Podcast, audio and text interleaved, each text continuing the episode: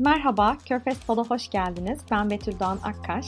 Bu haftaki yayınımda uzun zamandır kullandığım fakat açıklamadığım bir konsept üzerine konuşmak istiyorum. Körfez krizinden bahsedeceğiz. 2017 Haziran'da başlayan bu süreci hem dahil olan ülkeler ve yaşanan süreçler üzerinden ele almayı planlıyorum. Bu krizi bazıları Katar krizi, bazıları Körfez krizi ya da KİK ülkeleri krizi olarak tanımlayabiliyorlar. Aslında hepsi aynı anlama geliyor. Sadece kullandığınız kelime ile hangi tarafı bu süreçte daha sorumlu tuttuğunuzu ifade edebilirsiniz. Ben genelde Körfez krizi diyerek daha bölgesel bir bakış açısı tercih ediyorum. Körfez krizi 2017'de Ramazan'da başladı. Bahsi geçen bu dört ülke diplomatik ilişkileri askıya alıp Katar'a havadan, karadan ve denizden ambargo uyguladıklarını açıkladılar. Bu oldukça şaşırtıcı bir durum oldu. Çünkü Katar'ın tek kara sınırı Suudi Arabistan'la, Birleşik Arap Emirlikleri ve Bahreyn'e de deniz sınırı var. Hava sahasının da bu ambargoya dahil edilmesi uçakların uçuş rotalarının tamamen değişmesine neden oldu.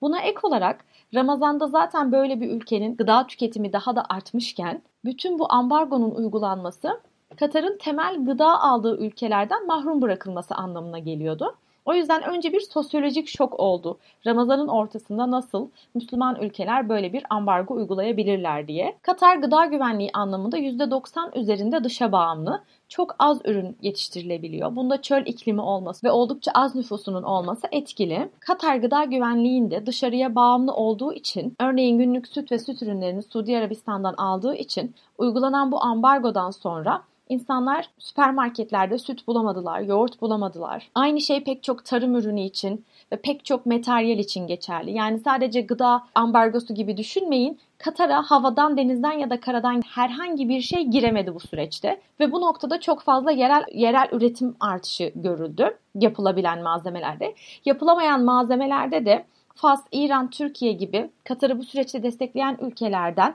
hava yoluyla İran rotası kullanılarak ürünler getirildi. Çünkü Birleşik Arap Emirlikleri ve Bahreyn ya da Suudi Arabistan üzerinden de uçakların geçmesine izin verilmiyordu. Örneğin bu süreçte Türkiye'den çok fazla süt ürünleri, sebze meyve geldi, su geldi. Bu oldukça pozitif bir etki uyandırdı toplumda. Aynı şey İran ürünleri, Hindistan ürünleri, Fas ürünleri için de geçerli. Yani Körfez krizi sadece diplomatik olarak değil, toplumsal olarak da gıda güvenliğini ve daha pek çok şeyi dahil ettiğimizde insanlara etkileyen bir durum oldu. Dahil olan ülkelerin dışında yani ambargo ülkeleri dediğimiz bu dört ülkenin dışında Amerika ve İngiltere yakından bu süreci takip ettiler. Arabuluculuk yapmaya çalıştılar. Ana arabulucu ülke her zamanki gibi Kuveyt ve bu süreçte neredeyse şu an Körfez krizinin çözüldüğünü düşünüyoruz. Kuveyt'in rolü oldukça önemliydi. Neden böyle bir kriz yaşandı sorusu belki hemen akıllara gelmiştir. Körfez krizi aslında 2017'de resmileşse de Arap Baharı'nın başından bu yana Körfez ülkeleri arasında böyle bir gerginlik vardı. Çünkü Körfez ülkeleri her ne kadar uluslararası arenada ve bölgesel politikada bir takım kısıtlı roller üstlenseler de birbirleriyle farklı pozisyonlara evrildiler Arap Baharı sürecinde. Başlangıçta benzer aktörleri desteklediler. Fakat sürecin değişmesi, bölgede statüsko ve değişim üzerine bir ayrışmanın başlaması Katar'ın Birleşik Arap Emirlikleri ve Suudi Arabistan'dan başka sosyal grupları, uluslararası organizasyonları ve örgütleri desteklemesine neden oldu. Yani birbirlerinden bambaşka işbirlikleri kurmaya başladılar. Bu siyasal gerginliklere bir takım rejim güvenliği problemleri de eklendi. Örneğin Müslüman kardeşler Suudi Arabistan'da ve Birleşik Arap Emirlikleri'nde riskli kabul edildi ve terör organizasyonu ilan edildiler. Fakat Katar ve Kuveyt'te böyle bir durum söz konusu değildi. Katar'ın madden ve manen bu grubu desteklemesi ve Mısır'daki değişimleri bu anlamda yönetmeye çalışması bir gerginlik oluşturdu. Bunun yanı sıra Katar'ın İran'la ve Türkiye ile diplomatik ilişkilerini iyi seviyede tutması, Türkiye'nin Katar'a askeri üs açması ve askeri ilişkilerini daha da geliştirmesi, Katar'ın pek çok farklı ekonomik, siyasal ve kültürel noktada Vahabi çizgiden kısmen uzak, daha kendi değerleri üzerine odaklanmış bir takım politikalar benimsemiş olması aynı şekilde bir sosyal gerginlik yarattı. Emir'in genç olması, çizdiği profil, bölgede zaten liderleriyle sorun yaşayan ülkeler için aslında bir rejim güvenliği riski gibi görüldü. Bu noktada Birleşik Arap Emirlikleri'nin Suudi Arabistan'ı örnek olarak gösterebiliriz. O yüzden Suudi Arabistan Veliaht Prensi'nin şu an çok genç bir isim olması aslında hiç şaşırtıcı değil. Çünkü bölge böyle değişimleri istiyor artık bölge insanları. Bütün bu yaşananlardan sonra basına sızdırılan belgelerden anlıyoruz ki 2013'te, 2014'te iki farklı anlaşma imzalamış Körfez ülkeleri.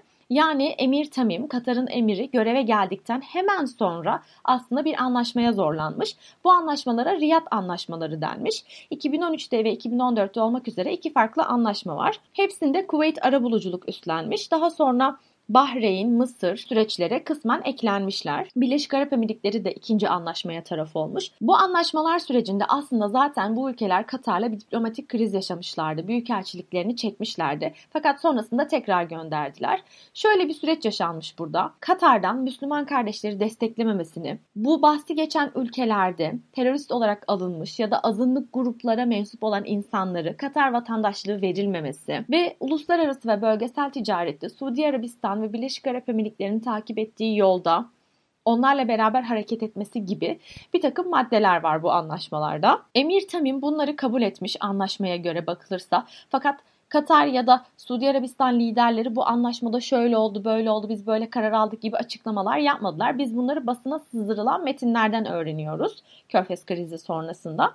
Ve bu anlaşmaların imzalanmış olması aslında Emir'in 2013-14'ten sonra 2017'ye kadar bu maddelere tabi olmaması sonucunda liderlerin tekrar onu kendi noktalarına çekmek için yeni bir diplomatik süreç başlatma çabası. Ama bu diplomatik süreç bir müzakere şeklinde değil doğrudan bir kriz olarak başlatıldı. Yalnızca Katar'ı ve Katar'ın vatandaşlarını ya da Katar'da yerleşik olarak yaşayan insanları değil, diğer körfez ülkelerinin ve Arap ülkelerini de çok derinden etkiledi. Örneğin Mısır vatandaşlarının çoğu iş yerleriyle ilgili sıkıntı yaşadılar. Çünkü ülkeleri Katar'dan çıkmalarını istedi bazı Mısırlı vatandaşların. Katar onlardan böyle bir şey talep etmedi ama iş güvenliği noktasında riskli bir statüye yükselmiş oldular ve çoğu Mısır'a giriş çıkış yapamadılar çünkü uçuşlar ambargoya alınmıştı. Mısır onları bir süzgeçten geçirerek ülkelerine aldı. Suudi Arabistan, Katar, Birleşik Arap Emirlikleri ve Bahreyn'in daha önce uluslararası ilişkilere sahip ailelere ev sahipliği yaptığını söylemiştik.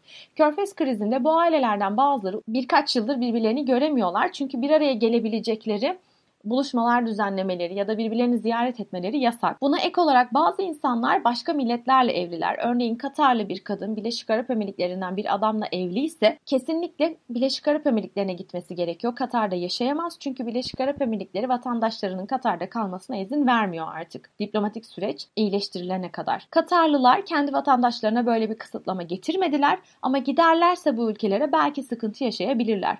Örneğin haç döneminde Müzakereler sonucunda belli sayıda Katarlı'nın ikinci haç yılında alınmasına karar verildi. Ve sık sık Umre'ye hacca giden zaten bu coğrafyaya ait olan insanlar için bu da oldukça şaşırtıcı bir durum oldu. Ekonomik etkilere geldiğimizde Katar'ın daha önceki yayında bahsettiğimiz gibi dış yatırımları sayesinde bir takım ekonomik destekleriyle bu süreci atlattığını biliyoruz. Fakat mesela küçük işletmeler, iş adamları, Suudi Arabistan'la Bahreyn'le Birleşik Arap Emirlikleri ile iş yapan insanlar bu süreçte ciddi kayıplar verdiler.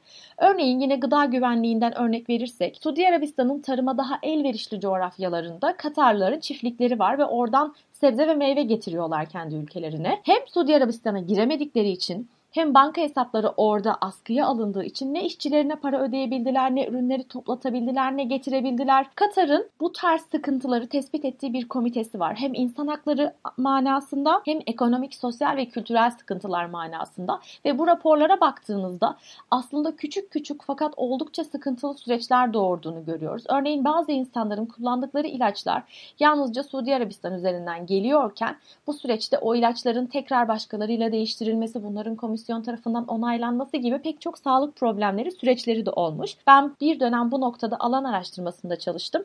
O yüzden muhatap olduğum insanların hiç beklemediğim noktalarda sıkıntılar yaşadıklarına tanık oldum. Bu süreçten sonra yani diplomatik krizin aşikar olması sürecinden sonra aslında bunun bir liderlik krizi olduğu iddiaları ortaya atıldı. Yani Suudi Arabistan Arap Baharı sonrası süreci yönetemediği için ve bu süreçte statüskoya karşı oluşan değişim ve dönüşüm çizgisini yeterince kısıtlayamadığı için Katar'ı bu noktada bir izole pozisyona sokup kendi gücünü tekrar göstermek istediği gibi bir algı oluştu. Ben de kısmen bu görüşü destekliyorum ve zaten şu an krizin çözülmesi için adımların atılması da aslında Suudi Arabistan'a tekrar manevra alanı kazandırmak için bir girişim gibi geliyor bana nasıl krizi bölgesel hegemoni olarak o başlattıysa aynı şekilde çözüm için de ilk adımı onun atmış olması bu noktada anlamlı. Kriz çıktıktan sonra Katar'dan 13 maddeyi yerine getirmesini istediler. Ve bu 13 maddenin içinde Türkiye ile olan askeri ilişkileri askıya almak, İran'la ilişkileri askıya almak, ünlü El Cezire kanalını ve ona bağlı diğer platformları kapatmak, herhangi bir şekilde bahsi geçen ambargo ülkelerinin vatandaşlarının ya da riskli gruba düşen azınlıkları hakkında haber yapmamak gibi uzun bir liste var. Katar bunları asla kabul etmedi. Bağımsızlığına aykırı olduğunu söyledi. Kısa bir süre sonra bu 13 madde 6 maddeye indirildi. Fakat sonra bu maddeler hiç konuşulmamaya başlandı. Aslında körfez krizi ve ambargosu devam etti ama artık bu maddeler ön plana çıkmadı. Sonrasında hem emir için hem de diğer bölgesel liderler için diplomatik olarak bir mücadele süreci başladı. Bütün uluslararası organizasyonda Birleşmiş Milletler komitelerinde her yerde aslında kimin daha haklı bir mücadele sergilediğini, kimin diğer tarafa insan hakları ihlalleri yaptığı üzerine bir adeta diplomasi yarışı başladı. Hem dava süreçleri oldu. Yani Katar bu ülkeleri dava etti ve haklı bulundu. Bunun yanında bir lobi süreci de başladı tabii ki. Amerikan seçimleri öncesinde örneğin Katar krizi aslında başkanların bölgedeki rolleri açısından belirleyici bir etkiydi. Yani Trump'ın Katar krizini desteklemesi ve Katar'ı bu noktada izole pozisyonda bırakması her ne kadar bütün körfez ülkeleri seçilmiş Amerikan liderine saygı duyacak olsalar da liderin bölgede daha barışçıl bir pozisyon sergiliyor olması onlar için daha avantajlıydı. Diğer bir nokta krizle ve sonrasında gelen süreçle Körfez halkında bir ufak mikro milliyetçilik başladı.